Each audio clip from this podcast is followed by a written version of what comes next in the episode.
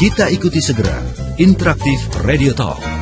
Indonesian Strong from Home.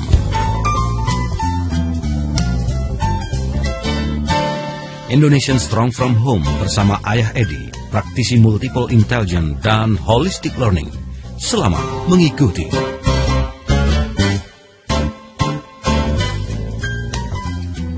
Halo Indonesia, selamat malam Smart Listener, senang sekali bisa menyapa Anda Apa kabar malam hari ini?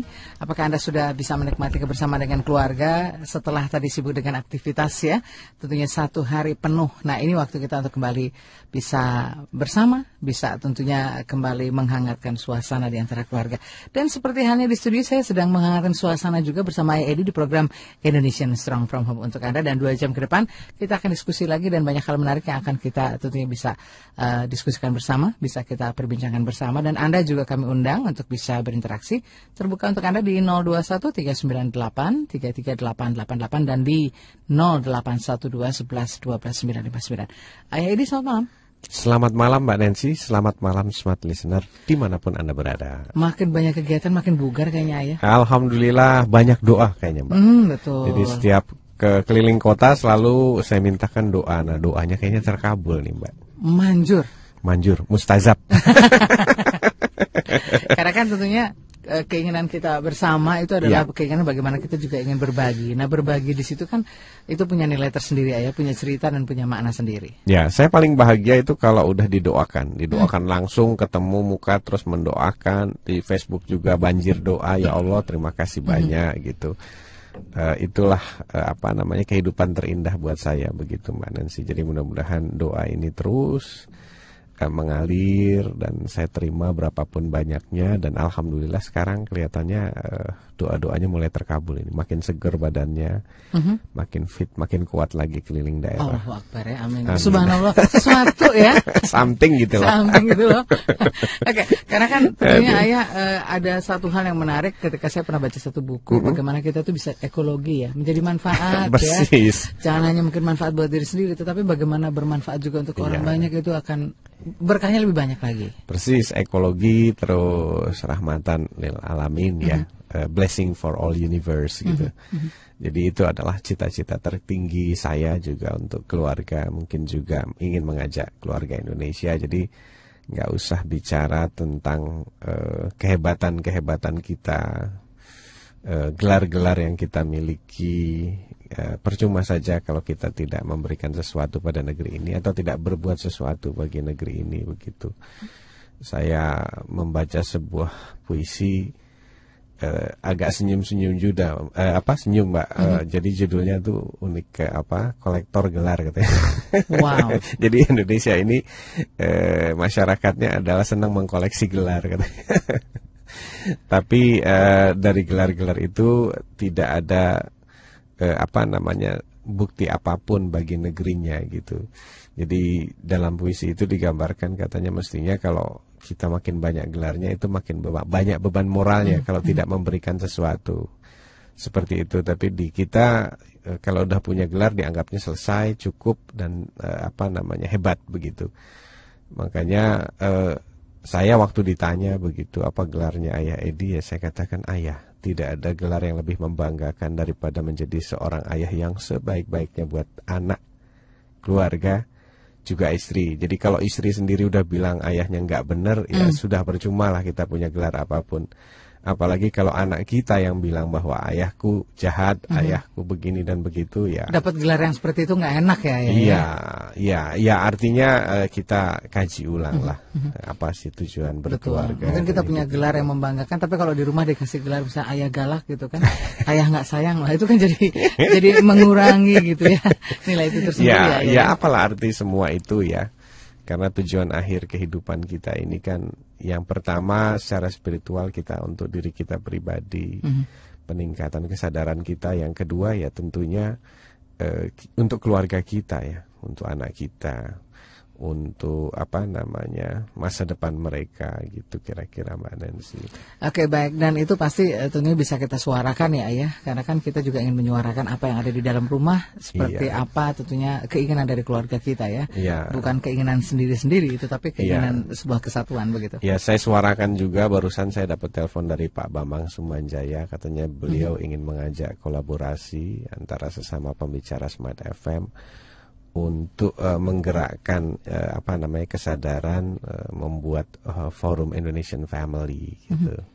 Mudah-mudahan ini terwujud dan mudah-mudahan ini uh, apa namanya juga menjadi sebuah kampanye uh, gerakan moral bagi kita gitu. Jadi kita bukan bergerak sendiri-sendiri tetapi bagaimana kita bisa berkolaborasi. Ini sinerginya akan tentunya punya gaung yang lebih luas ya ya. Ya, mudah-mudahan seperti itu. Kenapa? Karena kita akan multidimensional kemudian uh, heterogen ya terdiri hmm. dari berbagai macam suku bangsa uh, etnis dan sebagainya. Jadi uh, kalau pembicaranya juga bervariasi mungkin akan jauh lebih uh, baik lagi begitu kira-kira mbak. Jadi semua angle nanti bisa ke capture, mm-hmm. bisa uh, terbahaskan juga bisa uh, terakomodasikan. Betul berbagai angle dengan satu suara seperti Bill Gates bilang ya. Oh ya. One voice. Kita masih kembali untuk Anda dari Smart FM Jakarta bersama Anda di program Indonesian Strong From Home dan Ayah Edi juga masih bersama kita. Tadi lagunya, ini lagunya memang lagu yang cukup lama tapi masih enak kita dengar saat ini ya, ya dari Billy Gilman dengan One Voice. Nah untuk katakanlah tadi memahami bagaimana keluarga, menjaga keharmonisan keluarga dan memahami bagaimana perilaku masing-masing anggota keluarga, ini butuh satu suara ya. Satu suara bukan berarti bahwa yang satu punya hak veto yang lain enggak gitu. Tapi bagaimana kita punya sebuah katakan tadi penyesuaian ya ayah ya. Ya. Kita melihat anak kita seperti ini, yang satu seperti itu. Nah ini kan hmm. Nggak bisa dong kalau masing-masing punya suara sendiri-sendiri akhirnya kita nggak menemukan cara tersendiri. Iya Mbak Nancy. Jadi selama uh, apa ini saya belajar tentang kehidupan ternyata kita sebagai manusia ini ilmu yang paling minim yang kita miliki itu adalah ilmu tentang manusia mbak itu itu menariknya terus yang kedua kita sebagai uh, makhluk yang bisa berkomunikasi dengan bahasa hmm. dan bahasanya itu uh, tertata ya tapi justru kita sendiri eh, adalah makhluk yang kurang pandai berkomunikasi, Mbak. Jadi dua hal itulah yang menyebabkan eh, problematik timbul antara orang tua dan anak, antara suami dan istri atau pasangan atau dengan keluarga lainnya. Jadi eh, saya pikir sudah saatnya lah kita perlu membahas dan eh, mengkaji ulang sebagai eh, makhluk manusia yang diberi anugerah luar biasa. Yang pertama adalah tadi eh, hmm. kita bisa berkomunikasi. Yang kedua adalah kita makhluk mulia, tapi kita tidak paham eh, problematik apa human being itu seperti apa. Jadi kalau dalam bukunya Joy Vitale mengatakan bahwa kita itu dalam bahasa Inggrisnya manusia itu disebut human being. Tapi justru yang terjadi kebanyakan kita ini menjadi human doing. Mm, gitu jadi bukan human being. Apa sih maksudnya human doing? Ya kita nggak mengerti tentang siapa kita. Nah setiap hari kita sibuk dengan kepekerjaan dan aktivitas saja. Sehingga akhirnya walaupun uh, keluarga itu hidup dalam satu atap satu rumah tapi tidak terbangun atau tidak terjalin harmonisasi di antara keluarga. Masing-masing uh, mungkin ya merasa tertekan, masing-masing merasa tidak uh, apa ya menyimpan sesuatu yang tidak tersampaikan, masing-masing tidak saling memahami gitu. Yeah. Uh, yang menarik adalah manakala kita sebagai orang tua berujar kepada anak kita uh, begini Mbak Nancy, kamu coba deh tolong pahami mama mm. gitu atau pahami papa. Uh, Orang tua meminta anaknya memahami dia. Sering sekali kita mungkin mendengar kalimat ini. Tapi kalau kita runut lagi ingat-ingat apa ya bisa ya anak-anak itu memahami orang tuanya. Karena anak belum pernah mm -hmm. jadi orang tua. Yeah. Tapi kalau orang tua memahami anaknya, itu kelihatannya lebih masuk akal. Karena sudah pernah melewati masa itu ya, ya. Pernah jadi anak hmm. gitu. Cuma sayangnya, saya sering kali bicara di seminar, begitu kita jadi orang tua, kita lupa lagi masa anak-anak kita. Hmm. Kita lupa lagi apa yang dulu kita tidak sukai yang dilakukan oleh orang tua kita dalam proses mendidik. Itu kita ulangi lagi saat ini uh, ambil contoh yang paling sederhana adalah membanding-bandingkan anak. Ya. Itu dulu waktu kecil kita paling sebel itu kalau dibanding-bandingin adik sama kakak. Hmm. Ini adik kalau makan lama bener sih nggak kayak kakak hmm. gitu. Hmm. Terus kakak ini orangnya rapi, ih kalau kamu tuh berantakan gitu ya. Hal-hal kecil seperti ini, dulu kita waktu masih kecil tuh ingat betul itu, dibanding-bandingkan tuh kesel banget, sebel banget. Nggak nyaman lah. Rasanya, mm, gitu. Tapi pada saat kita kembali jadi orang tua kok nggak paham gitu, nggak paham bahwa hal itu dulu pernah kita alami dan kita tidak sukai. Mhm. Sekarang kita ulangi lagi, banyak sekali hal-hal seperti ini. Nah, terlebih lagi kita belum pernah bersekolah juga jadi orang tua. Jadi kita ya. benar-benar nih orang tua yang awam bagi anak tapi sok tahu hmm. dan sok bener gitu.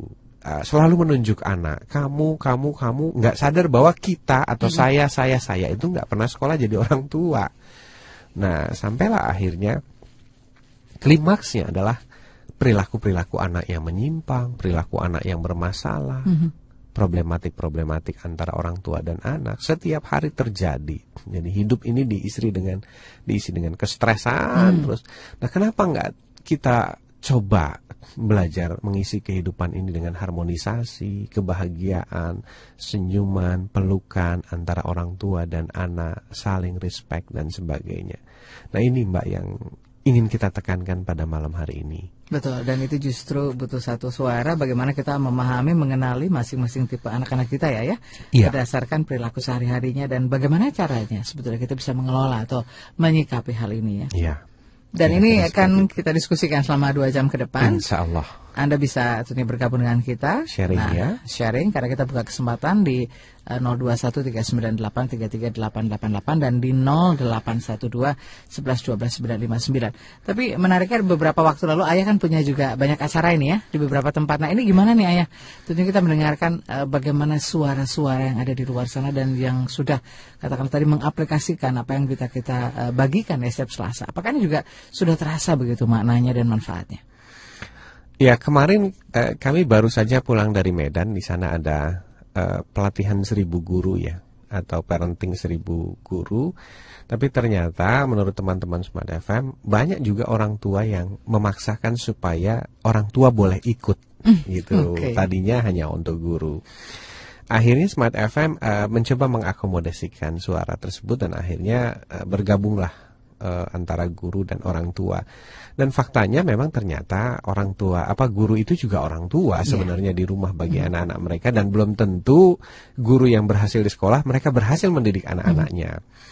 Nah, uh, forumnya sih luar biasa ya Mbak ya, ramai seperti biasa, hampir seribu ya, 950 sekian -hmm. gitu ya, uh, kursi juga full. Uh, ada satu yang menarik adalah di sana Tuhan berbicara kepada kita semua melalui ada seorang tua yang uh, memberikan surat, mengirimkan surat ya, yang ditulis oleh anaknya kepada saya. Nah kemudian surat itu rencananya saya mau baca di rumah Mbak Nancy, hmm. tapi entah kenapa Tuhan uh, memberikan indikasi kepada saya untuk ayo bacakan surat itu gitu. Akhirnya tanpa direncanakan uh, orang tua ini saya undang ke depan ya ke untuk berbicara tentang kisah pengalamannya sebagai pendengar uh, program Indonesian Strong from Home. Jadi intinya dia uh, punya seorang anak yang dulu uh, ya tidak dipahami lah. Uh, kemudian sekolah dan di sekolah dinyatakan bermasalah yang katanya uh, tidak bisa konsentrasi, kemudian tidak bisa tidak mau menulis, malas dan sebagainya, uh, sederet gelar-gelar uh, yang buruk bagi anak ini. Nah, kemudian orang tuanya secara kebetulan mendengarkan acara kita. Mm -hmm. Nah, kemudian pada saat pembahasan ciri-ciri anak otak kanan, kemudian bagaimana kita membahas tipe-tipenya dan sebagainya, sampai orang tuanya tersadarkan dan mau sadar sebenarnya karena sadar itu kan pilihan, Ya. Mbak. Mau sadar kemudian berubah. Jadi melihat anaknya dalam sosok baru bahwa sebenarnya dia tidak masalah tapi kita yang nggak tahu tentang siapa dirinya. Termasuk rekomendasi saya waktu itu adalah pindahkan ke sekolah lain. Uh, jangan pertahankan dia di sekolah yang setiap hari mencaci maki anak atau merendahkan anak atau menjuluki anak dengan gelar-gelar seperti itu. Eh, Semua rekomendasi saya, apa yang saya sampaikan di sini ternyata diserap dengan baik, masuk ke hati, dilakukan dan dilaksanakan. Sampai akhirnya anaknya berubah total. Nah, kemarin dalam isi suratnya itu menceritakan bahwa mamaku sekarang berubah jadi malaikat. Wow. Ya, yang dulunya marah ini dan sebagainya. Kemudian aku tidak tahu kenapa katanya, tapi dari hari ke hari aku mencoba mencari tahu, ternyata ada satu nama yang sering disebut-sebut mama. Siapakah nama itu? Iya, namanya Edi katanya. Tapi saya nggak tahu Edi yang mana, karena teman papa banyak Edi, kemudian temanku juga banyak Edi. Aku pengen sekali eh, bertemu dengan Edi yang satu ini gitu. Akhirnya dia menulis surat itu, katanya nanti kalau mau bertemu dengan saya, saya akan peluk katanya Oh, ayah wow. Edi. ya seperti itu akhirnya dibacakan sangat mengharukan sekali. Artinya begitu banyak hal-hal fatal yang terjadi di rumah kita antara orang tua dan anak, di sekolah antara guru dan murid. Karena ketidakpahaman kita tentang anak-anak yang luar biasa berbeda. Tidak pernah anak diciptakan sama. Dalam Facebook saya menulis kalau kita bicara misalnya satu merek mobil massal, ada Ferrari, ada Lamborghini Ya. itu limited edition. Jadi dibuatnya paling cuma tiga atau empat. Anak kita itu special edition, mbak. Jadi setiap anak tuh satu tipe dan tidak ada yang sama, meskipun kembar. Mhm. Meskipun jadi orang tua yang sama juga, itu juga berbeda-beda ya. Iya. Keunikannya ada sendiri-sendiri. Ya, sayangnya kita tidak paham kita punya produk canggih yang lebih baik dari sekedar Ferrari dan Lamborghini. Tapi perlakuannya adalah perlakuan eh, yang diberikan untuk bengkel-bengkel mobil massal begitu, Mbak. Bahkan di bawah mobil massal ya. Mobil massal saja montirnya masih tahu dan belajar dulu. Tapi banyak orang tua yang mengelola anaknya, mendidik anaknya tanpa mau belajar membaca buku, mendengarkan kaset atau minimal mendengarkan talkshow ini begitu, Mbak. Oke, kita masih akan lanjutkan lagi. Dan kita akan juga berbagi dengan beberapa pertanyaan yang sudah masuk dan Anda jangan ke mana-mana. Sudah masuk pertanyaan. Wah banyak sekali. Alhamdulillah. Sudah banyak suara-suara ingin juga diskusi dengan kita ya. Baik, Kami akan segera kembali selepas informasi berikut ini. Kita kembali untuk Anda dan masih mengulas tentang mengenali masing-masing eh, tipe anak berdasarkan perilaku sehari-hari dan bagaimana cara mengelolanya dengan tepat. Nah ayah, eh, kalau kita bicara tentang masing-masing tipe, ini juga sering kali kita ulas begitu ya. Tetapi bagaimana memahaminya dari eh, perilaku mereka sehari-hari? Nah ini juga mungkin bukan hanya sekedar butuh sebuah observasi, tetapi kita memang juga cukup cermat ayah melihatnya. Bagaimana hal ini ayah? Iya, eh, 1400 tahun yang lalu ya kira-kira. Eh, Hippocrates itu sudah mencermati masalah manusia. Karena eh, beliau mengatakan bahwa eh, banyak manusia yang tidak paham tentang dirinya sendiri gitu. Artinya eh, nggak tahu manusia itu seperti apa sih, human being itu seperti apa. Eh, kebanyakan mereka human being yang menjadi human doing setiap hari beraktivitas eh, rutinitas dan nggak sadar gitu bahwa dirinya itu eh, memiliki potensi yang luar biasa juga keunikan yang sangat luar biasa. Nah akhirnya eh, beliau melakukan observasi ya, terhadap dirinya sendiri juga terhadap orang lain juga terhadap mungkin ya eh, beberapa anak. Nah, eh, di sana mendapati bahwa ternyata manusia itu tidak ada yang sama persis. Tidak ada yang sama persis. Di- dilihat dari mana? Dari eh, perilakunya sehari-hari, dari bagaimana dia bereaksi, dari bagaimana dia bersosialisasi. Ternyata manusia itu membawa eh, sifat-sifat dasar bawaan lahir yang kemudian eh, pada zaman modern diketahui itu diturunkan lewat genetika kromo- kromosom. Tapi sejak dulu Hippocrates itu sudah menganalisis itu, nah, walaupun eh, belum ada ilmu neuroscience yang modern dulu, tapi beliau sudah mengatakan bahwa eh, di dalam otak manusia itu terdapat beberapa chemical. Chemical-chemical ini punya campuran yang berbeda. Tapi Waktu itu masih teorinya teori kimia ya, kimia otak. Jadi belum masuk ke eranya multiple intelligence, titik-titik kecerdasan. Nah, dari sana eh, didapat kesimpulan awal bahwa kita bisa mengelompokkan manusia-manusia berdasarkan tipologi, kecenderungan tipologi. Jadi tidak ada yang sama persis, tapi ada kecenderungan-kecenderungan tertentu. Nah, kemudian diperkuat oleh namanya Carl Gustav Jung ya. Itu dia punya sekitar eh, 16 tipe ya. Yang sekarang dikembangkan oleh MBTI. Nah, saya meng mengkomparasi antara eh, Jung version dengan eh, Hippocrates version. Yang lebih sederhana itu adalah miliknya Hippocrates dan ternyata akurasinya cukup bagus. Nah, dari situ kita bisa melihat bahwa ternyata manusia punya sifat bawaan lahir. Kemudian ini kemudian menjadi orang tua. Nah, orang tua ini punya kecenderungan bawaan lahir. Nah, biasanya dalam hal menilai sesuatu, dia akan menggunakan eh, persepsi pribadi bawaan lahirnya. Nah, sementara begitu dia berkeluarga, dia harus berhadapan dengan istri atau suami yang punya bawaan lahir sendiri. Nah, kemudian begitu nanti punya anak, anaknya akan punya bawaan lahir sendiri yang mungkin mirip setengah dari ayahnya, setengah dari ibunya, atau ibunya lebih dominan atau mirip ayahnya lebih dominan. Nah, kombinasi-kombinasi ini sangat eh, bervariasi. Nah, dari kombinasi ini muncullah nanti konflik-konflik yang namanya internal perception. Hmm, Oke. Jadi eh, persepsi bawaan lahir. Ambil contoh begini, Hippocrates mengatakan bahwa eh, kita bisa membagi tipologi itu ke dalam empat kelompok. Ya, kemudian dari empat kelompok itu bisa kita kembangkan kombinasinya menjadi eh, 16.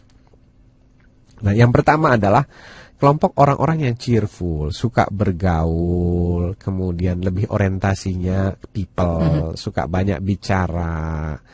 Nah, eh, dia punya internal perception bawaan lahir yang berbeda dengan tipe-tipe orang manajerial yang orangnya sedikit bicara, banyak berpikir, kemudian kalimatnya sedikit tapi eh, tegas begitu, kemudian pendiriannya keras, kekeh.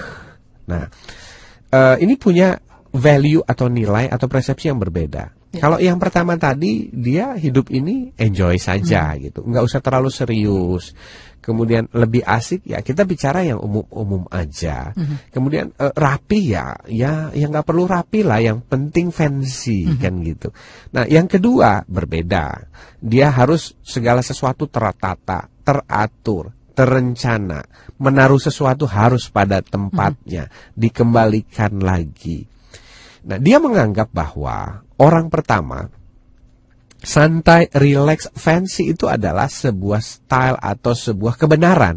Jadi ya orang yang benar menurut saya ya yang melakukan itu. Sementara yang tipe 2 ini mengatakan bahwa yang benar itu adalah yang rapi, teratur, tertata, terukur, terencana. Segala sesuatu.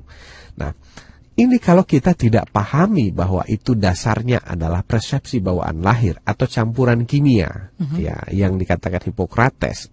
Nanti kita bisa setiap hari itu kerjanya bertengkar terus. Itu baru antar pasangan. Ya.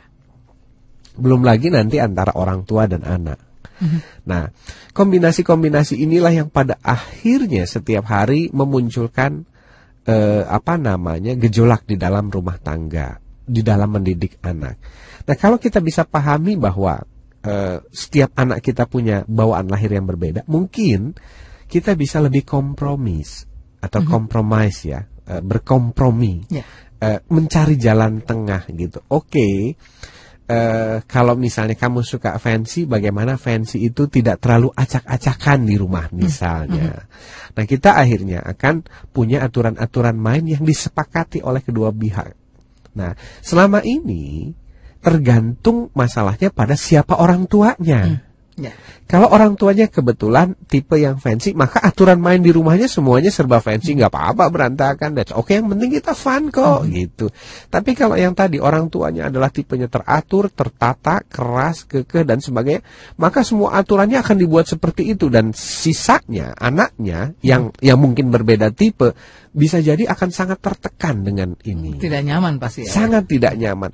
Nah, kita harapkan bahwa dengan kita memahami ini dan kebetulan pada saat tipe kita jadi orang tua, maka kita akan tidak jadi orang tua yang terlalu memaksakan persepsi pribadi kepada anak, tapi mencari jalan tengah.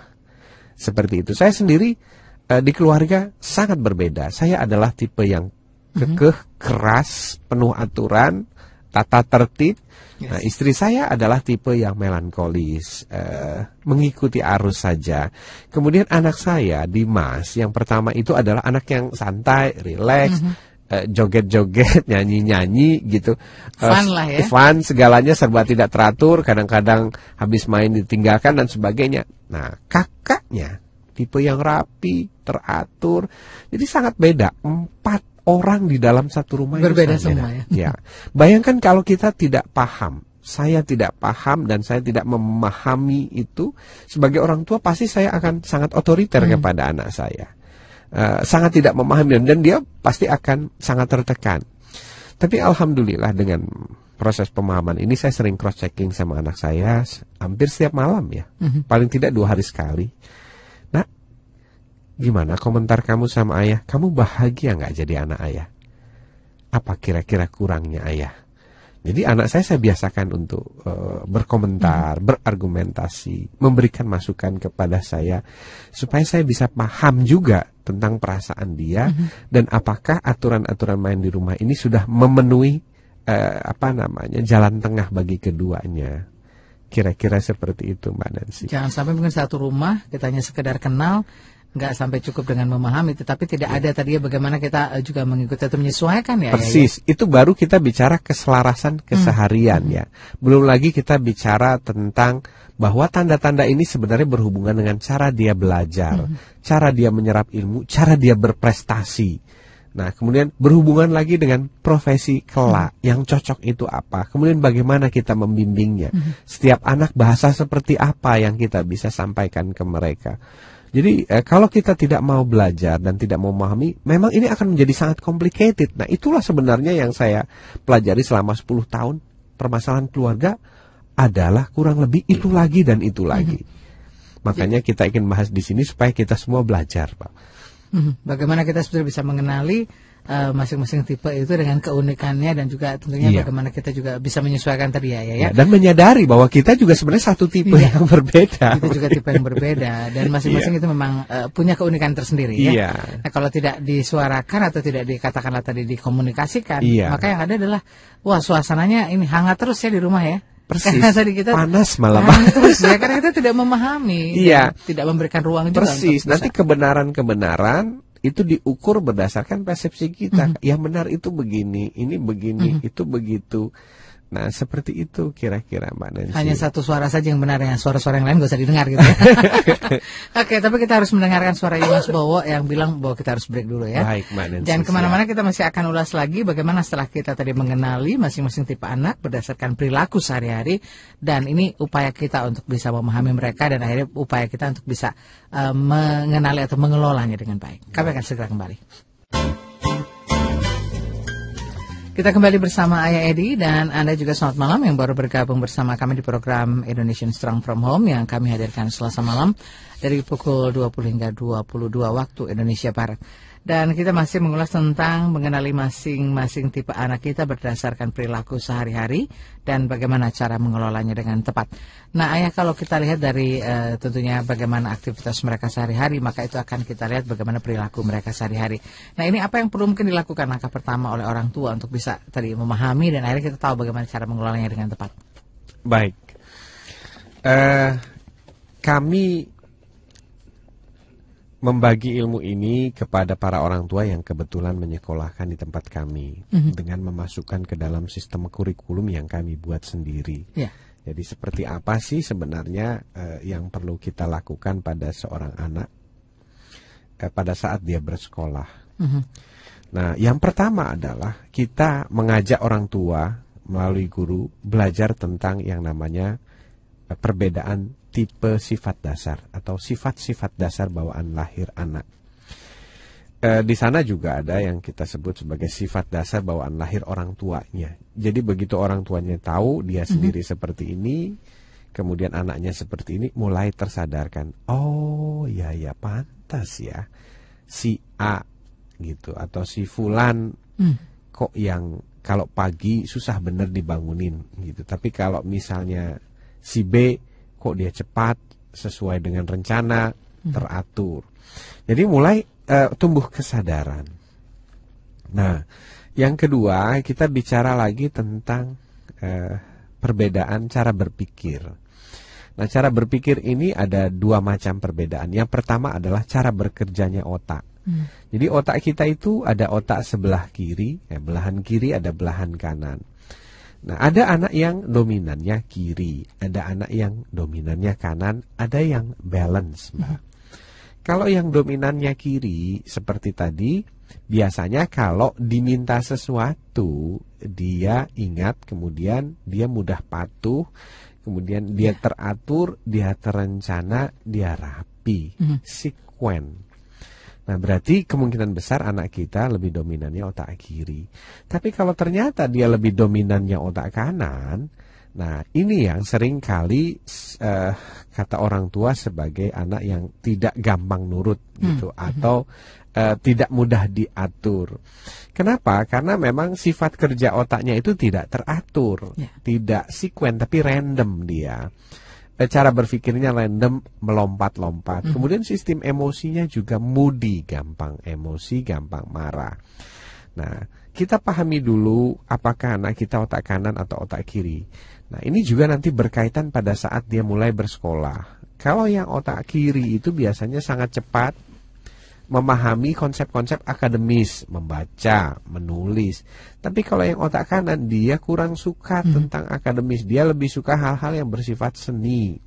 Nah, gambar, kemudian visual. Jadi segala sesuatu itu harus bentuknya seperti itu. Kemudian imajinasi. Jadi segala sesuatu itu harus diimajinasikan dan dilakukan sambil bermain. Dia nggak bisa duduk diam, hmm. serius. Dia harus melakukan sesuatu. Nah itu kalau ciri-ciri anak otak kanan. Kesannya di awal-awal dia terlambat. Sebenarnya bukan terlambat karena kebanyakan guru dan orang tua mengajari mereka dengan cara-cara bekerjanya otak kiri. Jadi otak kanannya nggak kompatibel yes. kalau di kamput, uh, istilah komputer ya. Nah ini dari kontinum otak atau eh, sifat-sifat uh, dasar bawaan otak. Nah kemudian pada saat otak belajar ya, menyerap ilmu, menyerap informasi, dia menggunakan uh, panca indera, Pak. Mm -hmm. Panca indera.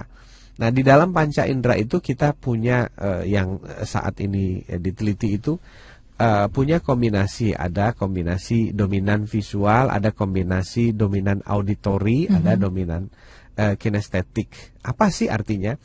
Kalau ternyata anak kita itu dominan visual, ya, dominan visual, dia biasanya otaknya menggunakan organ mata dalam proses belajar. Ya.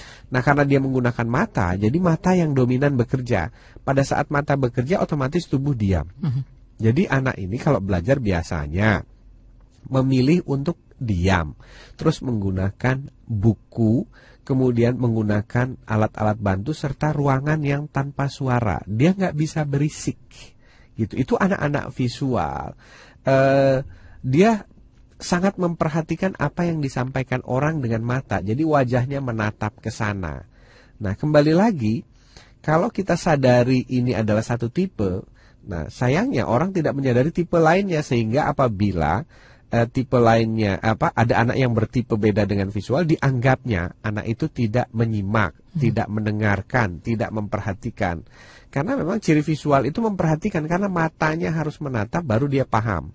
Tapi kalau kita bicara tipe lainnya, misalnya auditori, dia lebih dominan menggunakan telinga sama suara. Yeah. Jadi voice ya. Mm -hmm. Jadi voice itu ditangkap oleh telinga dan direkam oleh otak. Dia lebih cepat. Metodologi belajarnya adalah diskusi, mendengarkan. Nah, biasanya kalau dia tidak diberikan kesempatan untuk diskusi, ini anak-anak kecil yang belum tahu mungkin aturan main, dia akan ngajak teman-temannya ngobrol. Seperti itu dianggapnya dia merusak suasana sekolah. Nah, ini temuannya Dona Markova ya, Ya. di dalam kelas.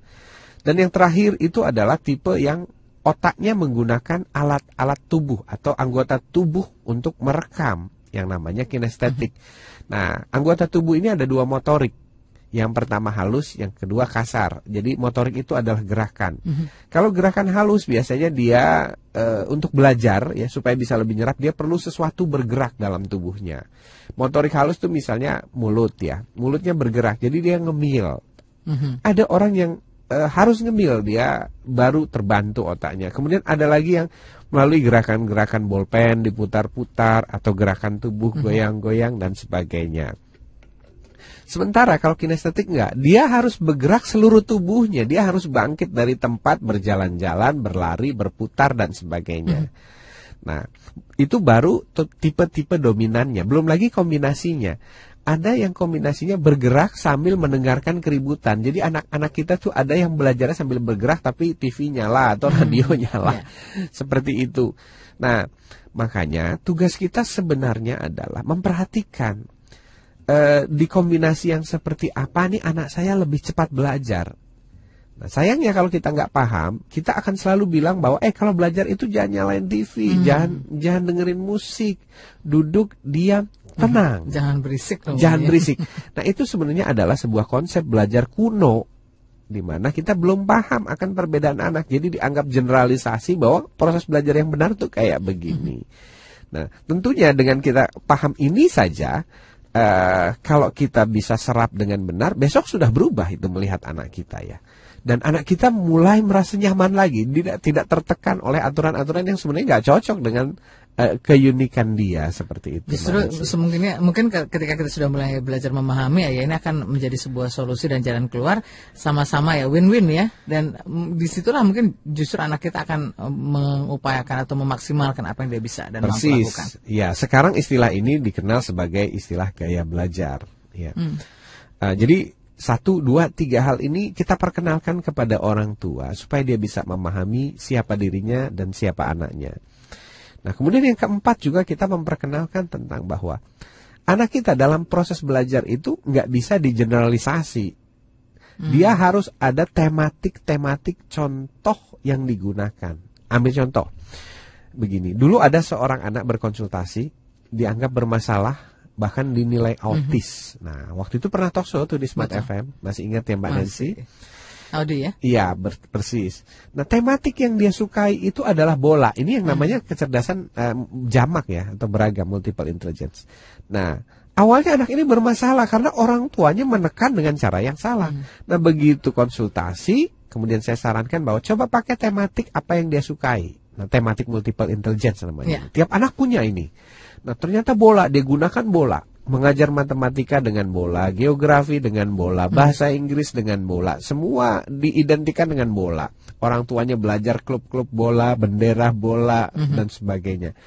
Dan luar biasa hasilnya dari Doremi kata orang tuanya. Iya, sekarang sudah di atas 8 semua rata-ratanya ya, luar biasa.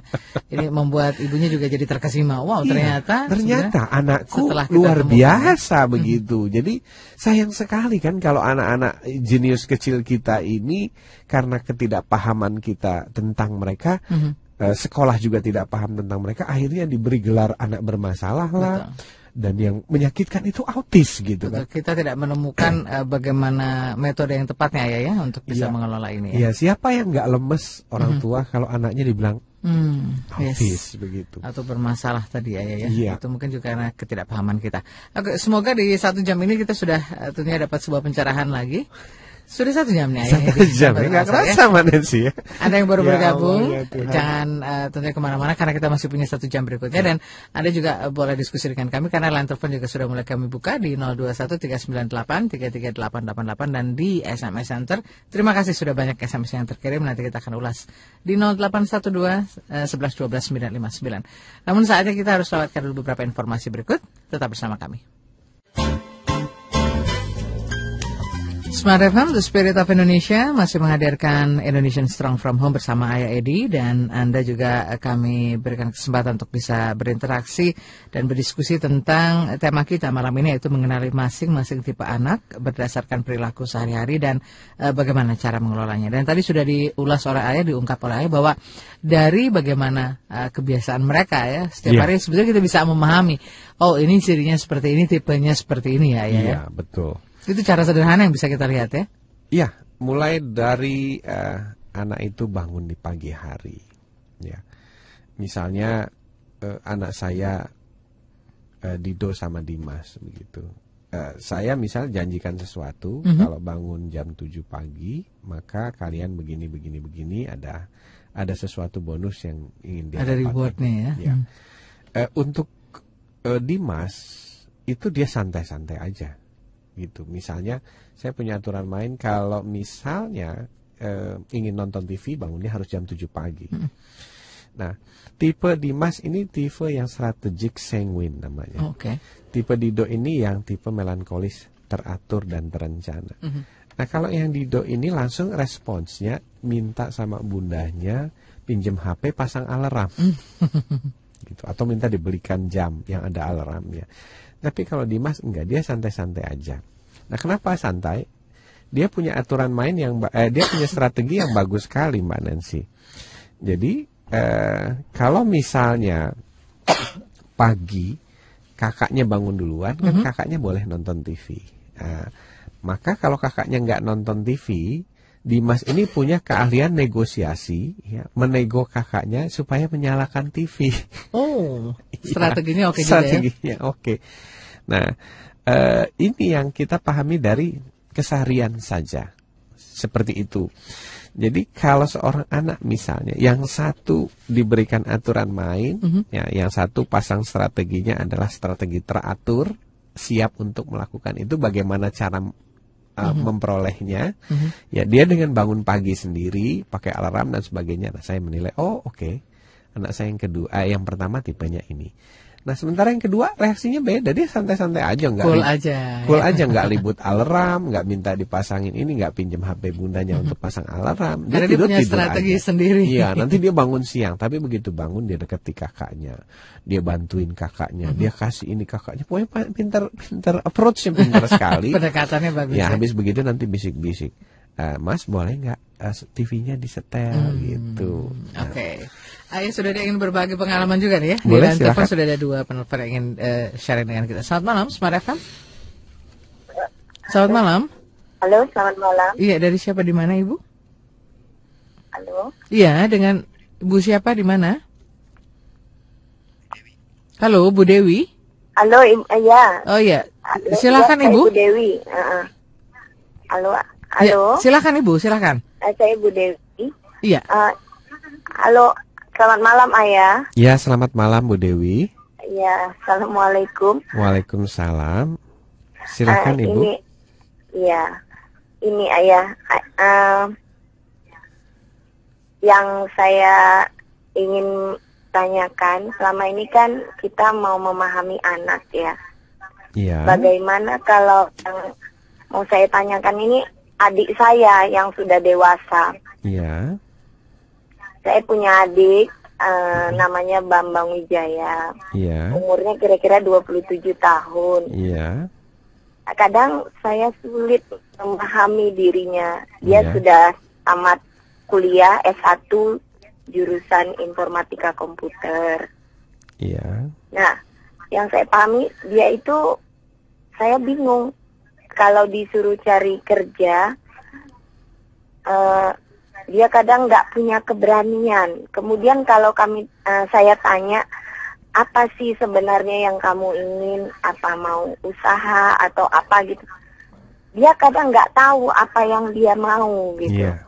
Jadi kadang saya sulit memahaminya. Yeah. Sehingga setiap Baik. hari kalau lihat dia di rumah itu ya terus terang saja kadang saya sebel gitu. Baik. Baik. Ya. Baik Ibu, bagaimana ya bisa seperti baik. apa itu Ayah? Ya. Uh, okay, bisa. Tolong bantu saya. Ya. Baik saya Ibu. memahami dia. Ya, ya terima, terima kasih. kasih. Ya, diskusinya terima kasih harap kembali Ibu Dewi. Bersabar sebentar karena kita masih ada penelpon berikutnya. Selamat malam. Halo, selamat malam. Dari siapa di mana Ibu? Ah, dan Sandra, Tanjung Duren. Ibu Sandra Tanjung Duren. Silakan. Selamat malam, Ayah Edi. Malam Bu Sandra, silakan. Assalamualaikum. Waalaikumsalam. Ayah Edi, saya mau kasih kado untuk nasabah saya. Dia Mm-mm. baru lahiran. Ya. Tapi saya cari buku 37 kesalahan orang tua pada Mm-mm. anak nggak ketemu di Mhm. Citalen. Oh, ya, ya, ya, Oke. baik, Di Gramedia Citalen. Di mana ya Ayah saya bisa dapat buku itu? baik. Oke, Kalau jadi saya pesan gimana? Iya, baik Tolong Ibu. ya. iya, baik Ibu. Itu saja Bu. Terima kasih, Terima Ayah. kasih. Terima kasih kembali. Ya, selamat malam, Waalaikumsalam. Nah ini eh, yang kedua adalah membutuhkan buku Ayah Edi ini ya. Waduh, kita apresiasi juga ya bahwa hadiah-hadiah yang akan Luar diberikan biasa. adalah untuk buku-buku yang eh, sangat memotivasi. baik. Silakan Ayah. Ya, pertama begini, barusan kita mendengarkan Bu Dewi bicara ya. Nah, ini kalau kita belajar memahami, kita mulai bisa menebak atau memprediksikan, memahami Bu Dewi. Bu Dewi ini tipe otak kanan. Jadi, seorang otak kanan itu kalau berbicara lompat-lompat, kemudian berputar, baru masuk ke intinya. Seperti itu. Jadi tidak to the point. Jadi kita eh, yang perlu memahami apa nih sebenarnya intisari masalahnya. Nah, kalau tidak eh, mungkin orang akan emosi Bu mendengarkan Ibu bicara ini apa sih sebenarnya intinya itulah pentingnya kita memahami orang lain. Tapi setiap orang otak kanan berbicara gayanya seperti ini, berputar-putar. Saya sudah terlatih di rumah oleh anak saya setiap hari begitu. Jadi memahami oh gitu ya, Nak. Oh gitu saya dengarkan dulu. Oh intinya ini ternyata. Itu bukan sebuah benar atau salah, Bu, tapi itu adalah ciri khas yang harus kita pahami. Nah, saya tidak tahu apakah eh, adik ibu ini otak kanan juga. Nah, kalau otak kanan ketemu otak kanan ini saling memahaminya agak sulit gitu karena gaya-gaya berpikirnya lain. Ya. Eh, tapi kalau otak kiri itu biasanya lebih dipahami. Nah, kemudian kalau kita bicara ini dia sudah lulus S1, kemudian nggak berani ngelamar kerja, nggak berani ini, nggak berani itu, itu bukan tipe, tapi itu adalah pola asuh dan pola didik. Ya, bukan tipe. Mhm. Karena manusia itu dibentuk melalui proses nurture, bawaan lahir atau eh, sorry nature, Mhm. bawaan lahir dan nurture, pola asuh. Ya. Nah, eh, nature seorang anak itu akan eh, punya perbedaan, tapi eh, pola asuh lah yang akan menentukan sikap si anak seperti apa. Ambil contoh begini. Eh, seorang anak yang terlahir dengan flekmatis. Flekmatis itu adalah anak yang pemalu, lebih suka eh, tidak berinisiatif, kemudian kurang mandiri. Nah, eh, ini bawaan lahir. Ini kami buktikan melalui teacher-teacher kami di sekolah ya. Mhm. Teacher kami itu banyak yang flekmatis. Nah, kelebihan flekmatis ini biasanya sabar gitu, penuh kasih sayang, sangat manusiawi, empatinya bagus. Cuma kelemahannya kurang inisiatif dan sebagainya. Nah, kemudian eh, apa namanya? Pimpinan sekolah kami itu melakukan proses pendidikan bersama saya untuk melatih yang flekmatis ini mengurangi segala apa memperbaiki segala kekurangannya, menjadi lebih misalnya eh, lebih eh, penuh inisiatif dan sebagainya. Kemudian menjadi eh, lebih atraktif dan sebagainya. Nah, ini disebabkan oleh pola didik kita gitu. Dia menjadi berani sekarang, menjadi sangat pede sekali. Ya. Nah itu oleh pola didik dan pola asuh. Mhm. Jadi mis-mis kami itu rata-rata adalah kelompok eh, bawaan lahir flekmatis yang dididik sedemikian rupa menjadi orang-orang yang tampil berani. Bagus sekali sampai nggak kelihatan kalau mis-mis kami itu atau teacher-teacher kami di sekolah itu adalah kelompok flekmatis. Nah, saya tidak tahu apakah eh, Mas Bambang Wijaya ini juga kelompok flekmatis. Mhm. Nah, tapi pola asuh lah yang menyebabkan dia tidak berani. Ya. Mungkin dia sering dipersalahkan, mungkin dia sering dicela, mungkin dia kurang dipuji, Mhm. mungkin kalau berbuat sesuatu eh, prestasi kecil kurang diakui, Diapresiasi. kurang diapresiasi. Ini yang menyebabkan akhirnya lahir seorang Bambang Wijaya yang seperti ibu ceritakan. Jadi kalau mau merubahnya, maka orang-orang di sekitarnya dulu yang harus berubah. Nah, makanya saya membuat buku atau menulis buku 37 kesalahan orang tua yang menyebabkan perilaku buruk pada anaknya. Jadi menyebabkan Ya. sebabnya itu dari lingkungan sekitarnya. Nah, kalau lingkungan sekitarnya tidak mau berubah, maka Mas Bambang Wijaya ini pun nggak akan berubah. Misalnya begini, di sekolah kami tidak ada celak mencela, yang ada selalu puji memuji sama motivasi. Jadi kalau misalnya ada Miss baru gitu ya melakukan kesalahan, tenang Miss, Miss pasti bisa, Hmm. pasti bisa. Ayo Miss, dicoba lagi. Yuk pelan-pelan, bertahap Miss. Tuh, Miss udah lebih baik dari kemarin. Jadi gayanya seperti itu. Ya. Nah, makanya yang tumbuh adalah sebuah habit positif. Nah, saya khawatir Mas Bambang Wijaya ini dibesarkan di lingkungan sekolah yang suka mencela gurunya, dosennya suka mempersulit, merendahkan mahasiswanya. Jadi akhirnya tumbuhlah dia menjadi sebuah pribadi yang tidak percaya diri, tidak punya keberanian, takut melakukan ini, takut melakukan itu. Ya. So, kalau ibu ingin dia berubah, coba ibu pelajari 37 kebiasaan orang tua. Ini applied juga terhadap usia yang sudah besar. Kalau ibu sebagai kakaknya dan orang tuanya mau berubah, mengubah 37 kesalahan kita tadi, maka insya Allah siapa pun berubah. Kami sudah menguji itu dan silakan berkunjung ke sekolah kami, Hmm. bertemu langsung dengan guru-guru kami, nanti akan terlihat sebuah kombinasi sosok flekmatis yang sekarang eh, menjadi seperti sanguin dan koleris. Jadi kombinasi yang berimbang itu yang kita upayakan adalah balance. Eh, membalance menyeimbangkan faktor-faktor yang menjadi kelemahan dan mengangkat keunggulannya. Kira-kira seperti itu. Oke, Bu Dewi semoga ini menjawab dan bisa membantu nanti ya bagaimana Ya, Bu kami Dewi sendiri memahami. melatih guru itu sekitar tiga tahun, Mbak, baru mulai berubah ya menjadi sosok pribadi yang baru, Mhm. Sosok mereka yang baru. Dari awal yang raw materialnya Mhm. penuh ketakutan, pemalu, nggak berani tampil, wow sekarang luar biasa canggihnya. Betul. Jadi bahan dasarnya kalau ibarat kue itu tetap ya ya, Persis. tetapi bagaimana kita juga bisa improvement diri kita ya dan menyesuaikan tadi dengan kebutuhan yang ada dan kebutuhan diri kita sendiri ya. begitu kira-kira Bu Dewi. Oke, Bu Dewi terima kasih dan kita ke Bu Sandra. Ini butuh eh, ini ya informasi bagaimana mendapatkan eh, buku-buku ayah ya. Ya, baik. Begini Bu Sandra ya. Buku itu dipajang di Gramedia itu hanya satu bulan. Ya, jadi habis satu bulan dia akan diganti dengan buku baru. Itu kebijakan yang saya tahu. Saya ngobrol dengan teman-teman di Gramedia. Karena begitu banyaknya sekarang penulis buku. Nah, kalau tidak di Gramedia mungkin bisa di Gunung Agung, Bu. Gunung Agung itu eh, berjanji akan memajang buku kami lebih lama dari satu bulan. Tapi kalau di Gunung Agung itu tidak ada, ibu bisa bergabung di Facebook, nah, Facebook ya, atau fanpage komunitas Ayah Edi. Alamatnya itu Ayah Edi at yahoo.com. Jadi Ayah Edi at yahoo.com. Jadi kalau ibu cari di Facebook fanpage Ayah Edi at yahoo.com, di sana ketemu fanpage kami atau Facebook kami. Nanti salah satu komunitas di Facebook itu namanya Karima Edukasi. Nah, Karima Edukasi itu adalah eh, toko buku online atau via pos yang menyediakan buku-buku kami paling lengkap. Bisa dibeli eh, by transfer dan terpercaya ya. Jadi jangan jangan takut kalau transfer nanti uangnya hilang karena kan yang kita khawatirkan beli online seperti itu. Nah, ada Karima Edukasi, Bu. Nah, kira-kira seperti itu. Eh, ibu bisa mendapatkan bukunya lebih lengkap. Nah, kalau misalnya ibu sedikit mau berupaya lagi, itu bisa menghubungi penerbitnya. Hmm. Kalau belinya banyak, Ya. ya, sekitar 50 sampai 100 ada harga khusus mungkin dari penerbitnya. Karena di di apa namanya di website kami eh, itu tinggal dicari saja penerbitnya. Jadi di sana ada contoh bukunya. Eh, misalnya buku Ayah Edi. Nah, nanti kalau kita klik itu kalau penerbitnya Tangga Pustaka keluar Tangga Pustaka gitu. Kalau penerbitnya Hikmah Mizan itu keluar Hikmah Mizan. Nah, kebetulan buku yang Ibu cari penerbitnya Grasindo.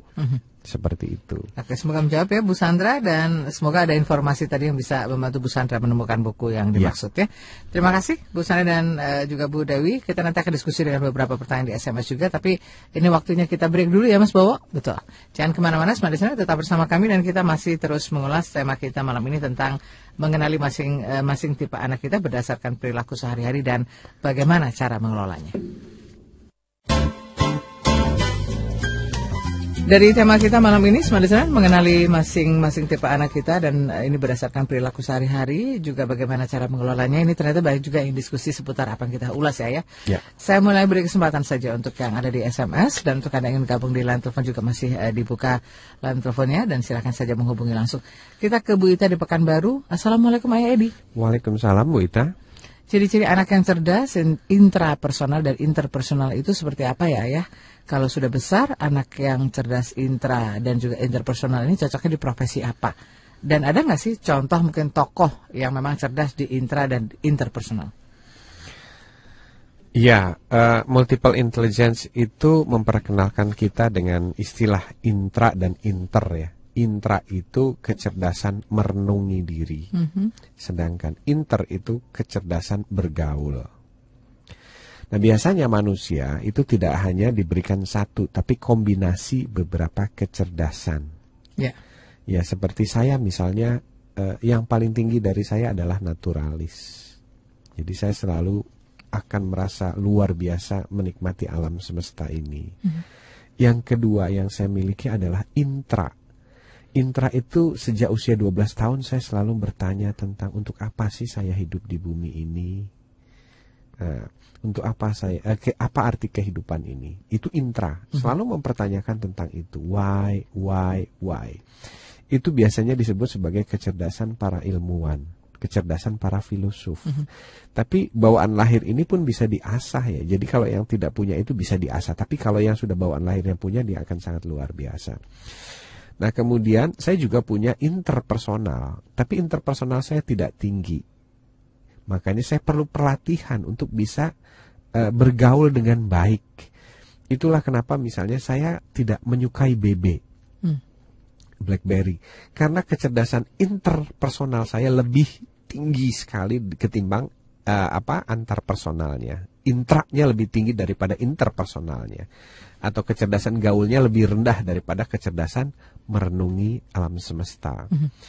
Nah, kalau ibu tadi tanya misalnya, eh, cerdas intra, intra itu selalu adalah kecerdasan ilmuwan. Dia selalu mempertanyakan why, why. Jadi dia selalu mencari esensi dasar dari kehidupan ini, dari pergerakan. Kalau Socrates dulu sebagai tokoh dunia yang intrapersonalnya sangat tinggi, dia bahkan mempertanyakan untuk apa sih orang kerja, untuk apa sih orang makan. Kemudian mengapa kita harus makan? Jadi pertanyaan-pertanyaan yang menurut orang yang tidak punya intrapersonal itu sangat sederhana, tapi buat Socrates tidak. Dan dari sanalah Socrates menghasilkan ilmuwan seperti Plato. Ya, ilmu makanan muncul itu karena pertanyaan untuk apa kita makan, makanan apa yang cocok, apa sih? Nah, kira-kira seperti itu.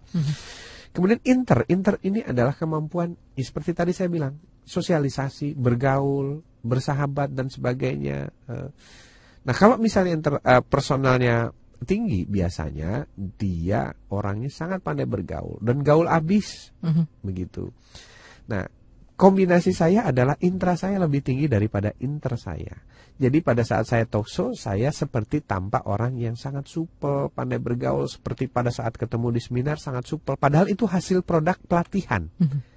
Aslinya saya, saya lebih suka pergi ke pantai, merenung, membaca buku, berimajinasi, kemudian meditasi. Nah, itu aktiviti saya. Saya lebih suka bertemu dengan alam semesta, kesunyian, keheningan, ketimbang keramaian. Ya. Walaupun kalau saya diajak ke tempat ramai, bisa. Tapi saya, kalau ditanya mana yang mau saya pilih, yang saya pilih adalah intra saya. Nah, kalau ditanya siapa sih tokoh intra dan inter, ya Nah. tergantung. Tokohnya nanti dijawab ya. ya. Boleh. Selepas kita terima telepon dulu. Baik. Halo, selamat malam. Halo. Iya, selamat malam. Dari siapa di mana, Ibu? lagi sambil bayar tol. Oke, Ibu. Dari siapa di mana, Bu? Saya Elizabeth, Iya, Ibu. Jakarta. Baik, Ibu. Silakan. Ah, ah. Eh, saya mau nanya nih Ayah Hadi, selamat malam. Iya, selamat Ayah malam Edi, Bu. Elizabeth. Em, anak saya Mhm. itu di sekolah juga dikatakan sebagai anak bermasalah. Iya. Dan dia waktu kelas 1 SMP, dia itu nggak naik. Bermasalahnya seperti apa, Bu? Karena bermasalah ini harus spesifik, detail penjelasannya. Kalau menurut saya, anak saya baik-baik saja gitu loh. Mm-mm. Yang Iya. mengatakan bermasalah itu kan sekolahnya dia. Iya. Apa kata sekolahnya? eh, ya itu tadi lambat belajar, Oke. nilainya jelek-jelek, Nilai jelek, iya. Apalagi kemudian eh, pendiam pada saat SMP ya. pendiam, iya. Nah, jadi SMP ditempuh dalam waktu 4 tahun. Iya. Kemudian nih sekarang kelas 1 SMA. Iya. Nah, rupanya kelas 1 ini nggak naik lagi. Iya. Jadi setiap kelas 1 kayaknya dia nggak naik gitu. Iya. Kelas 1 SMP nggak naik, ini sekarang 1 SMA nggak naik lagi. Iya. Nah, cuman bedanya sekarang dia udah lebih bisa bergaul ya, artinya tidak Iya. berdiam lagi. Iya. Cuman eh, gaya belajarnya memang seperti yang ayah Edi bilang tuh Mm-mm. apa eh, nggak bisa yang sepi-sepi. Mhm. Iya. Kalau belajar sambil di lantai atau Mhm. di kasur gitu ya. Mhm. Iya. Cuman eh, saya ngikutin gayanya ayah Edi nih, jadi Mhm. oh Iya. mungkin dia modelnya adalah tipe otak kanan yang loncat-loncat dan Iya. seterusnya. Kalau saya lihat Iya. memang dia sifatnya adalah audio sama kinestetis ya. Iya. Tapi saya ngikutin apa saya yang gagal mendidik atau gimana karena saya Iya. ngikutin aja apa yang dia mau belajar. Tapi Mhm. setelah saya ikutin seperti gaya yang dia mau, kok nilainya ya tetap jelek gitu. Iya. Jadi Hmm. saya nggak tahu lagi gimana- bagaimana cara membimbing anak saya di Iya. sekarang.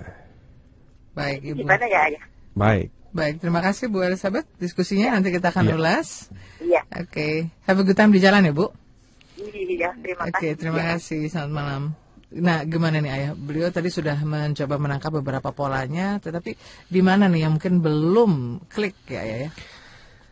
Ya, yang pertama begini. Yang pertama kita harus sadari bahwa ada anak, ada sistem sekolah. Ya, anak itu bekerja dengan eh, sistem otaknya, sekolah itu bekerja dengan sistem kurikulumnya. Nah, yang harus kita tahu, kita pahami adalah melakukan pemetaan, mapping, mapping, memetakan eh, ya seperti tadi, anak saya belajar audio, kemudian kinestetik dan sebagainya.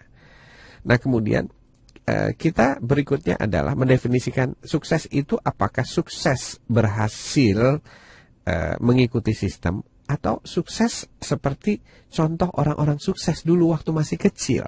Ini dua hal yang berbeda, Bu. Kita ambil contoh Albert Einstein. Semua orang tahu dia jenius. Fotonya dipampang di bimbel-bimbel gitu. Sebagai tanda bimbelnya biar dianggap jenius begitu.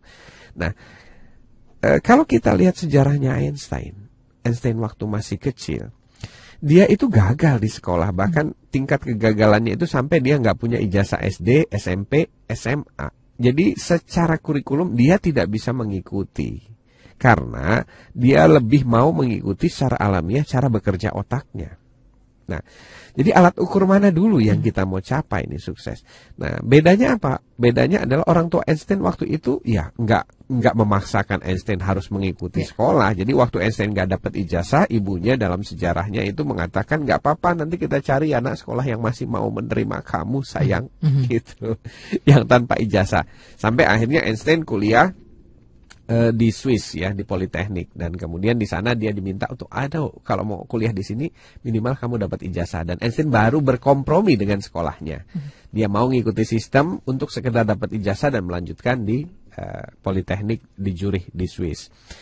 Nah kemudian yang berikutnya adalah kalau ibu tadi mengatakan mengikuti anak nah sebaiknya bukan mengikuti tapi kita ber eh, apa namanya tukar pikiran Mhm. Nah, tukar pikirannya misalnya, why? Kenapa ya nak? Kok begini-begini? Apakah nih? Apakah kita coba observasi? Inilah yang kami sebut proses telusur. Apakah disebabkan karena misalnya gurunya kamu orangnya nggak menarik, cara ngajarnya nggak cocok, atau orangnya sendiri misalnya killer? Kan banyak guru-guru killer ya. Zaman dulu kita sekolah kalau gurunya favorit aja Bu, mau pelajaran matematika, mau pelajaran bahasa Inggris kelihatan jadi gampang, jadi mudah, jadi menarik. Kenapa? Karena sistem otak itu baru bekerja waktu kita menyukai siapa pengajarnya. Itu penting. Ya. Gitu. Nah, terus eh, dari YY ini kita kumpulkan, nah ajak kita, anak kita itu kita ajak berdiskusi. Jadi untuk memecahkan solusi ini apa ya sayang ya? Apakah satu, nah kita perlu cari guru privat yang asik menurut kamu. Orangnya asik sehingga kamu pikirannya jadi mudah, gampang terbuka. Karena kemarin baru ada orang cerita seperti ini nih. Anak saya itu saya carikan guru-guru privat ya, dia homeschooling ya. Wah, sekarang jadi bright begitu. Gampang nangkep, mudah eh, sampai eh, apa namanya pelajaran-pelajaran yang tersulit itu bisa di diarahkan oleh gurunya dengan cara yang sangat mudah dan simpel. Sampai anak-anak itu bilang oh gitu ya ternyata gampang-gampang aja ya caranya gitu. Nah jadi faktor-faktor kesulitan inilah yang kita ajak dia untuk berdiskusi apa sih nak sebabnya? Apa karena teman-temannya sering mengejek? Itu pengaruh juga itu namanya bullying mental. Yes. Jadi telusur satu masalah, nanti satu solusi, satu masalah, satu solusi. Jadi kira-kira seperti itu. Bagaimana saya membantu anak-anak yang dari mogok sekolah sampai sekarang mau sekolah di luar negeri, itu awalnya adalah dengan mengidentifikasi. Satu-satu kita tanyai. Apalagi kalau kita orang tuanya jauh lebih mudah ya. Seperti itu Bu, baru kita diskusikan. Ini solusi ini apa ya sayang? Paling enak nih. Apakah begini, apakah begitu? Apakah kamu homeschooling saja, kemudian begini, begini, begini? Nah, jadi putaran diskusi inilah yang pada akhirnya mengarahkan kita berdua untuk mencarikan solusi bagi permasalahan anak sehingga anak prestasinya meningkat. Nah, prestasi inilah yang kita harus terjemahkan. Apakah prestasi eh, apa namanya yang yang pernah dimiliki oleh orang-orang sukses atau prestasi yang berhubungan dengan ujian nasional kan? Itu dua hal yang berbeda. Gitu. Karena ada anak-anak homeschooling saya yang yang fokusnya tidak ke ujian atau ke pelajaran sekolah tapi dia top ranking di sekolah luar negeri begitu. Kira-kira seperti itu. Oke, terima kasih Bu Elizabeth. Nah, mudah-mudahan juga ini bisa membantu ya ya. Oke, tadi kan ada beberapa eh, mungkin tokoh yang mungkin bisa kita pelajari ya dari cerdas intrapersonal juga interpersonal. Ya, kalau interpersonal dan intrapersonal, tokoh yang saya pahami itu adalah Soekarno. Nah, Soekarno itu intrapersonalnya luar biasa. Nah, interpersonalnya itu mengikuti. Makanya kalau beliau itu pidato, nah pidato itu kan karya asli intra personal, kecerdasan renungan, apa yang mau disampaikan, bagaimana cara menyampaikannya, itu adalah interpersonal. Jadi beliau memiliki keduanya, seperti itu. Eh, contoh lain, yang zaman sekarang itu Barack Obama. Itu Barack Obama itu eh, apa namanya? Dia punya intrapersonal yang bagus, sehingga kalau dia bicara itu kelihatan karismatik. Nah, orang yang punya intrapersonal selalu tampak karismatik di dalam dirinya. Nah, begitu dilengkapi oleh interpersonal, maka dia akan menjadi orang yang terkenal, dikenal. Kalau bicara enak, mudah dipahami, banyak pencintanya, banyak penggemarnya. Walaupun tentu saja ada orang yang tidak suka, wajar ya, seperti itu. Tapi mayoritas begitu. Nah, Barack, Barack Obama adalah contoh yang paling Eh, nyata tepat saat ini ya. Iya, Hmm, nyata saat saat ini saya punya CD-nya Barack Obama waktu dia campaign dari negara bagian ke negara bagian. Saya perhatikan betul ya, mulai dari gagasan demi gagasannya, cara penyampaiannya, betul-betul memang dia eh, menguasai. Dan dulu kita punya orang yang seperti ini bahkan lebih hebat mungkin dari Barack Obama eh, apa namanya Soekarno. Dan kepala negara dunia dulu itu mengidolakan Soekarno ya. Sampai eh, Libya saja siapa Muammar Gaddafi itu mengaku dirinya a little Soekarno begitu Oke, baik. Mudah-mudahan contoh-contoh ini bisa terus eh, mengapresiasi ya bagaimana sebenarnya sosok-sosok ini luar biasa dan itu juga ada di dalam diri kita. Asal Ya. yang penting kita mengetahui dan memahami. Oke, jangan ke mana-mana. Kita masih akan lewatkan lagi tentunya dua sesi berikutnya dan kita masih mengulas tentang eh, mengenali masing-masing tipe anak berdasarkan perilaku sehari-hari dan bagaimana mengelolanya. Kita kembali untuk Anda dari Smart FM Jakarta, masih bersama Anda di mana pun Anda berada, tentunya di seluruh jaringan Smart FM Network, dan Anda juga bisa mendengarkan di beberapa sindikasi kami dan juga melalui eh, website maupun streaming. Kita kembali lagi ke beberapa pertanyaan melalui SMS, kita ke pertanyaan dari eh, 08193321 dan seterusnya. Eh, Assalamualaikum Ayah Edi, apa kabar? Waalaikumsalam kabarnya baik sekali luar biasa Semoga selalu sehat dan sukses. Amin amin amin Saya Boy di Medan. Saya ingin bertanya bagaimana cara kita menyikapi perilaku anak yang sedang mulai mencari jati diri dan bagaimana cara kita mengetahui karakter anak masing-masing. jati diri dan karakter ya. Eh begini, eh, kita sering kali keliru dalam eh, mengatakan karakter dengan sifat. Jadi karakter dengan sifat itu beda. Jadi kalau sifat itu dibawa sejak lahir, gitu. Misalnya ada anak pemalu, itu sifat, ya, pemarah, itu sifat. Jadi sifat itu adalah hentakan emosional yang ditunjukkan melalui perilaku sehari-hari. Nah, tapi kalau karakter itu adalah sifat yang kita bentuk. Jadi kalau ada sifat yang tidak baik kita bentuk. Eh, kalau bahasanya Pak Yakob adalah right response. Jadi sifat yang dikelola jadi right response. Karena sifat itu tidak bisa dikelola, bisa tidak dikelola. Ya. Gitu. Ambil contoh begini ya. Eh, seorang anak yang punya eh, kita bicara seorang anak nemuin dompet gitu ya. Nah, nemuin dompet, dia ambil dompetnya. Nah, pada saat eh, dia menemukan dompet, ini ada dua opsi: diambil uangnya, dibuang dompetnya, atau dicari eh, ditemukan KTP-nya, dicari siapa yang punya. Nah, kalau si anak ini misalnya eh, mengambil uangnya, ya itu karakter namanya, tapi karakter yang buruk, jadi wrong response. Nah, kalau kita bicara tentang dia ambil eh, KTP-nya, kemudian dicari siapa yang punya, itu adalah eh, karakter, jadi karakter yang baik. Nah, itu dulu yang kita pahami. Bahasa Inggris itu jelas sekali membedakan itu. Karakter itu adalah bentukan, eh, eh, behavior itu adalah bawaan lahir atau personality. Nah, kemudian kalau kita misalnya bicara tentang jati diri. Nah, jati diri ini apa sih? Jati diri ini adalah pertumbuhan dari sifat dasar ke karakter. Gitu. Jadi anak-anak ini pada dasarnya kan belum punya karakter. Karakter itu dia lihat dari lingkungan sekitarnya, dia contoh, dia teladani dari kedua orang tuanya. Nah, pada saat si anak ini ingin punya karakter, nah itu berlangsung sejak SD sampai SMA dan puncaknya di SMA. Ya. Di mana nanti dia akan menentukan eh, gua ini seperti apa sih? Saya ini seperti apa sih? Gitu. Ya. Nah, ini yang disebut sebagai jati diri. Nah, karena berlangsungnya SMP sampai SMA, maka kita harus peka nih, masa-masa peka pencarian jati diri di sini. Nah, proses jati diri itu dibentuk dari apa? Satu-satunya yang membuat jati diri itu adalah contoh keseharian. Nah, kalau kita misalnya ingin membentuk jati diri anak menjadi lebih baik, maka kita harus memperhatikan betul-betul apa saja yang dicontoh dan siapa saja yang dicontoh. Ya. Yang pertama pasti kedua orang tuanya. Nah, kalau kedua orang tuanya tidak belajar memahami anaknya, memahami cara berkomunikasi yang benar dengan anaknya, maka nanti eh, yang dicontoh teman-temannya dan jati dirinya menjadi jati diri teman-teman atau gengnya.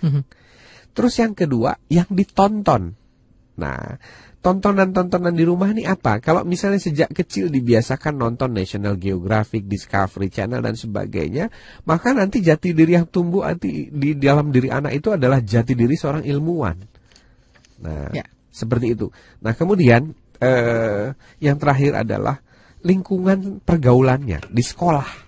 Di sekolah. Makanya benar-benar saya pesan ini, pilihlah sekolah yang peduli karakter. Kenapa? Kalau sekolah itu tidak peduli karakter, maka dia akan banyak sekali mencontoh perilaku teman-temannya. Mulai dari free sex sekarang nih ya, eh, bagi-bagi apa? nah, seperti itu. Nah, itu akan menjadi jati dirinya dia. Makanya saya kemarin dalam Facebook menegaskan kembali, kenapa saya makin yakin menghomeschoolingkan? Karena saya ingin membentuk jati diri anak saya dan saya perhatikan dengan baik. Mudah-mudahan ayahnya jadi teladan, bundanya jadi teladan, lingkungan sekitar jadi teladan. Dan kalau ada sesuatu yang kira-kira akan mengarahkan dia ke jati diri yang tidak baik, saya bisa langsung memonitor siapa ini. Eh, apa yang dicontohnya. Sementara kalau kita menyekolahkan anak sekarang ini sangat sulit sekali. Kenapa? Karena dia bergaul dengan berbagai macam tipe anak dan berbagai macam tipe orang tua si anak tadi yang memberikan bermacam-macam gaya, style yang nanti pada akhirnya itu akan membentuk jati diri.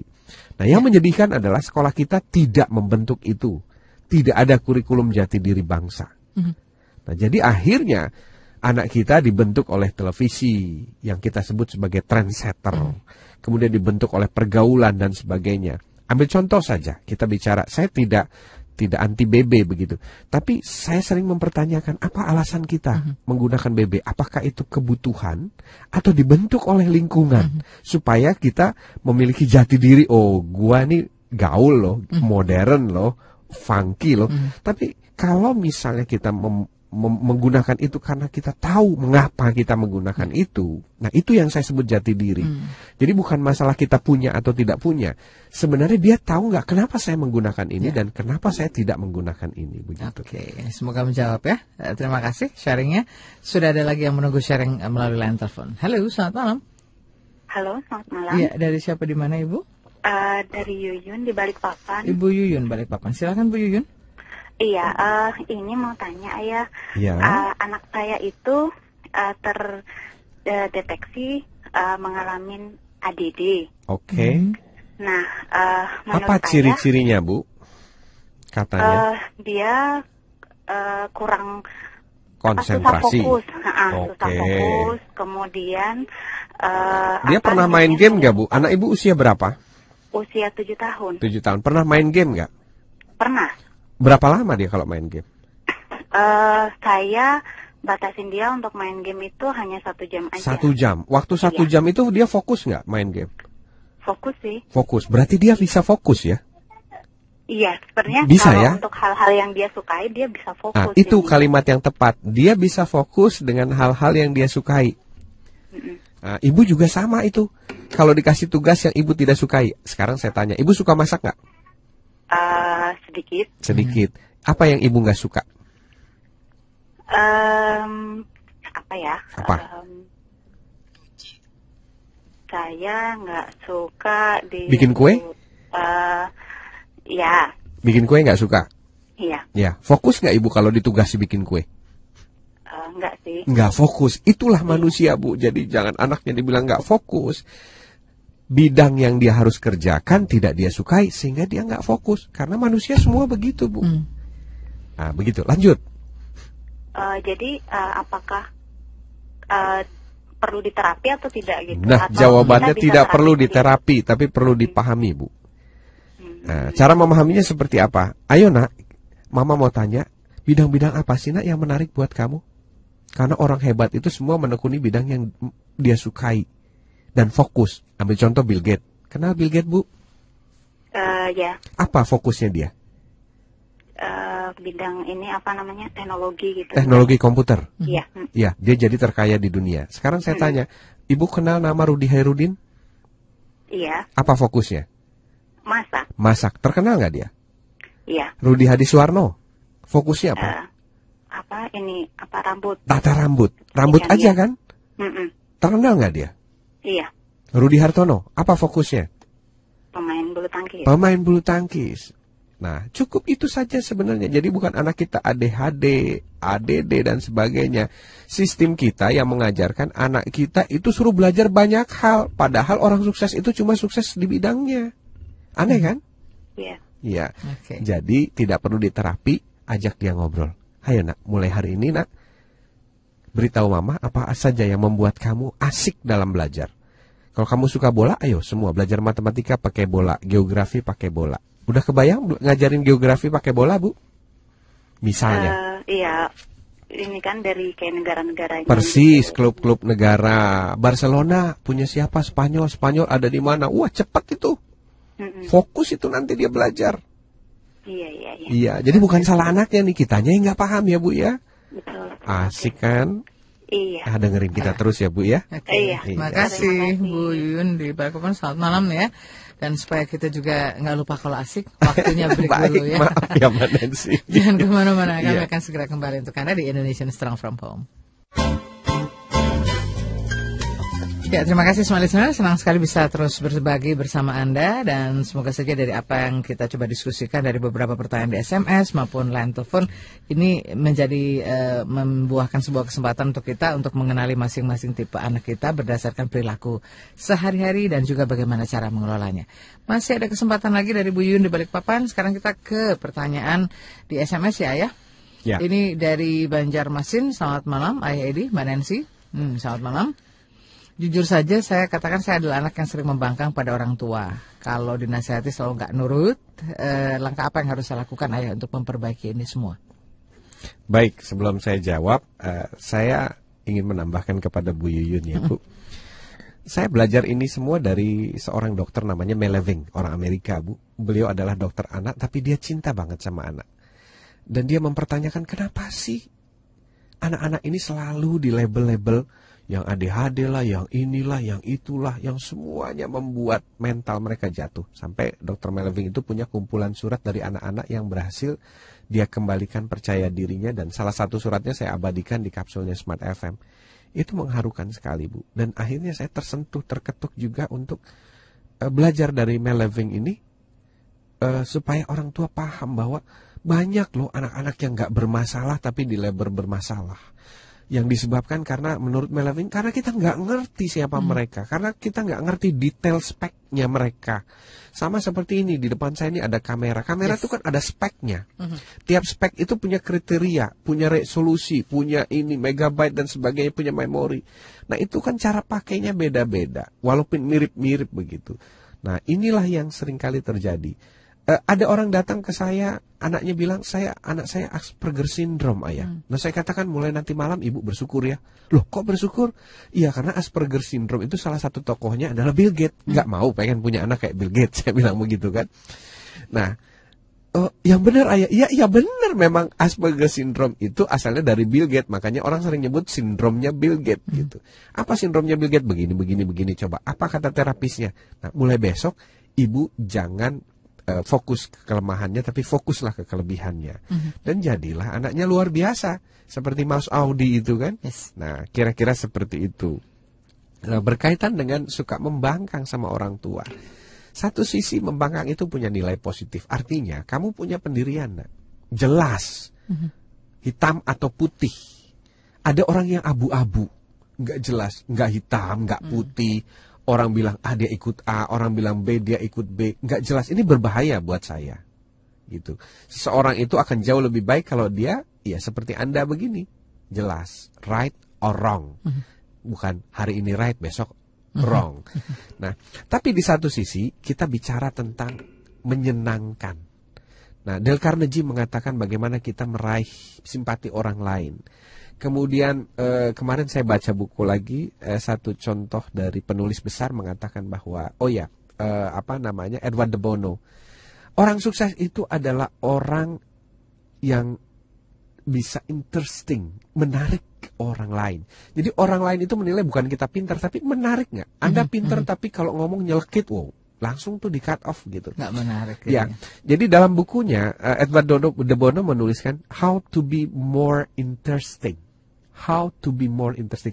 Bagaimana sih kamu tetap menjadi menarik mm-hmm. di hadapan orang lain? Nah, itu saya praktekkan. Saya adalah orang yang kekeh, keras. Boleh tanya istri saya. Mm. Nah, tapi pada saat kita berhadapan dengan orang lain, kita harus menjadi interesting, menarik. Jadi kita harus antusias. Jadi ketidaksetujuan kita kita bahasakan dengan alasan yang rasional, mengapa saya begini, mengapa begitu. Dan guru-guru saya, miss-miss saya, pimpinan sekolah saya itu tahu betul. Sampai ini sering terucap ya, mm -hmm. kalau ada konflik di antara eh, teman-teman, uh, yes. selalu bilang, sudahlah ke rumah ayah Edi saja. Nanti pasti ada solusi. Sampai jawabannya begitu, Bu. Jadi kasus-kasus besar itu antara ini dan itu sebagainya selalu kalau sudah nggak bisa dirujukkan, uh, pimpinan sekolah kami selalu bilang, sudahlah kita ke ayah Edi aja, pasti ada solusi. Gitu. Dan rata-rata pulang itu dengan damai, dengan senyum gitu. Padahal saya di sana bermain untuk uh, mereframing cara berpikir dengan cara be more interesting mm -hmm. gitu. Orang nggak merasa saya ubah caranya, tapi pulang dengan senyum. Oh ya, akhirnya damai. Nah itu ya nak yang perlu kamu lakukan. Jadi nggak apa-apa kita nggak setuju, nggak sependapat dengan orang tua, tapi bagaimana orang tua tetap simpati kepada kita. Sampai dia komentarnya, anakku ini berpendirian teguh. Hmm. Bukan komentarnya anak ini membangkang. Padahal itu sama tuh. Yeah. Berpendirian teguh sama membangkang itu sama. raw materialnya, bahan dasarnya. Tapi pada saat kita berhadapan dengan orang menyampaikannya berbeda, nak, maka itu akan komentarnya beda. Mhm. Jadi yang perlu kamu lakukan begini. Kalau kamu misalnya membangkang, eh, jangan pakai kekerasan. Eh, ini loh ma, kenapa sih aku nggak setuju ini? Kan ini ada nilai negatifnya loh. Pertama begini, coba kalau ini begini begini, nanti aku bisa terbawa sama teman-teman. Aku begini begini. Itu kalau kita pandai menyampaikan itu poin per poin tentang weaknesses point atau kelemahan atau membahayakan, mengkhawatirkan orang tua, orang tua kita pasti akan mengikuti kita, berubah. Nah itu yang disebut art of conversation. Jadi seni berbicara. Mhm. Nah itu nak yang kamu perlu baca, kamu cari bukunya. Dale Carnegie punya itu. Oke, baik. Jadi kita boleh katakanlah tadi punya pendapat ya, asal Ya. itu juga bisa dipertanggungjawabkan ya. Persis. Kan saya tidak selalu setuju dengan orang lain, tidak selalu setuju dengan pendapat eh, orang lain. Saya berbeda membawakan talkshow ini, tapi saya tidak eh, apa ya, eh, tidak dalam konteks membangkang begitu. Mhm. Saya dalam konteks menyajikan logika demi logika. Kenapa saya begini? Kenapa saya berbeda? Kenapa saya menentang arus? Kenapa saya mengkritisi pendidikan? Nah, tapi dalam proses mengkritisinya saya jelaskan why-nya, saya praktekkan caranya, saya hadirkan testimoni. Sehingga orang menangkapnya dengan oh iya ternyata benar ya. Bukan oh itu orang anti apa namanya begini-begini gitu. Jadi tanggapan positif lah yang akhirnya muncul. Itulah seni yang perlu kita pelajari begitu. Oke, terima kasih sharingnya dan semoga bermanfaat. Kita lanjut lagi masih ada kesempatan ke ada penelpon Mas Bowo? Oke. Kita ke SMS yang berikut dari Bu Dewi di Binjai, Sumatera Utara. Saya selalu nggak sepaham nih ayah dengan eh, ibu saya dalam mendidik anak. Ya. Nah, saya ikuti nasihat ayah, tapi saya sering dianggap memanjakan anak. Mohon nasihatnya nih ayah. Baik begini, yang pertama kalau ada anggapan ya, itu biasanya muncul dari persepsi. Hmm. Nah, pada saat orang tua kita bilang, kamu memanjakan anak, oke, mama, yuk kita bicara yuk. Memanjakan itu apa sih artinya? Mhm. Satu definisi memanjakan, kita menyamakan persepsi dulu, Ya. gitu. Apakah memanjakan itu adalah memberikan kemudahan Mhm. atau memanjakan itu menyayangi? Karena sering kali banyak orang salah berpersepsi tentang memanjakan. Gitu. Jadi kalau misalnya mengelus-ngelus anak, ngeloni anak, ih jangan manjain anak, itu bukan memanjakan, itu menyayangi. Mhm. Saya lakukan itu. Tapi saya mendefinisikan memanjakan itu adalah memberi banyak kemudahan. Jadi anak minta sesuatu langsung dapat. Kemudian terlalu banyak menolong dan membantu anak melalui pembantu asisten rumah tangga, neni. Mhm. Itu memanjakan. Nah, jadi yang pertama itu dulu Bu. Ayo kita definisikan yuk Ayu. Kemudian yang kedua, kalau mama menganggap memanjakan, oke kejadiannya kapan? Jadi kita bicara data nih, Ya. detail. Seperti apa? Terus responnya seperti apa? Baik. Jadi ibu nanti nggak berdebat kusir, Hmm. tapi kita bicara per kejadian, per kasus, kemudian per efek. Nah baru setelah catatannya lengkap, ibu coba hadirkan pembanding. Sebenarnya saya nggak sendiri loh, mah. Saya ada sumbernya nih. Menurut sumber ini begini. Kemudian kalau dilakukannya seperti ini, maka efeknya begini, begini dan begini dan begini. Ini hasil riset loh, mah. Saya bukan coba-coba loh. Ya. Nah, jadi akan ya seperti tadi, bentuknya menentang, bentuknya tidak sepaham, justru kita reframing, mencerahkan orang yang tidak sepaham dengan kita. Moga-moga bisa menjadi sepaham dengan cara yang tadi be more interesting. Jadi bukan berdebat dan saling marah. Ya, tapi kita cari informasi dan datanya yang lengkap untuk bisa tadi ayah Iya. mendukung apa eh, kenapa kita lakukan hal Iya, ini ya? sepaham dan tidak sepaham ini biasanya banyak persepsinya, Mbak, bukan fakta dan bukan data. Justru itu yang diperlukan fakta dan Nah, datanya. kita akan membawa ke arah fakta, data, kemudian hasil riset. betul. Faktanya kita sudah sampai di penghujung Nggak Tapi kerasa. sayangnya belum semua ya bisa kita Sayang bahas. sekali sudah dua jam padahal. Mudah-mudahan nanti di lain waktu kita akan bisa ulas ya Amin, pertanyaan-pertanyaan mudah-mudahan. yang masuk. Masih. Dan terima kasih juga untuk Anda yang sudah berpartisipasi. Eh, insya Allah lain waktu kita akan ulas satu-satu pertanyaan yang sudah masuk yang belum sempat kami tanggapi malam hari Ya. ini. Eh, namun semoga apa yang kita perbincangkan ini bisa menjadi manfaat dan pencerahan. Amin, Satu mudah-mudahan. poin ayah apa yang tentunya perlu kita terus eh, tentunya lakukan sehingga terus eh, pemahaman-pemahaman atau pengenalan kita terhadap anak-anak itu bisa kita lebih maksimalkan. Baik, smart listener, banyak talkshow bagus, banyak pembicara bagus, banyak seminar bagus. Tapi semua itu tidak ada gunanya kalau kita tidak action dan tidak applied. Saya melakukannya buat keluarga saya di rumah. Langsung setiap kali saya talkshow itu sebagai pengingat bagi saya untuk terus melakukannya. Nah, bagaimana dengan Anda di rumah? Jadi jangan sia-siakan ini. Langsung aplikasikan, praktekkan supaya hasil kita, talkshow kita, waktu kita berguna penuh bagi keluarga dan anak-anak. Menjadi manfaat ya. Menjadi manfaat, persis kata kuncinya. Oke, terima kasih ya Edi. Terima kasih kembali Mbak Nancy. Inspirasinya dan terima kasih juga untuk Anda atas tentunya kebersamaan Anda ya, Ya. di kurang lebih dua jam ke depan dan kita akan ketemu lagi di Selasa depan. Ya. Eh, Saya Nancy Mokoginta. Saya Ayah Edi. Let's, make Indonesia strong from home.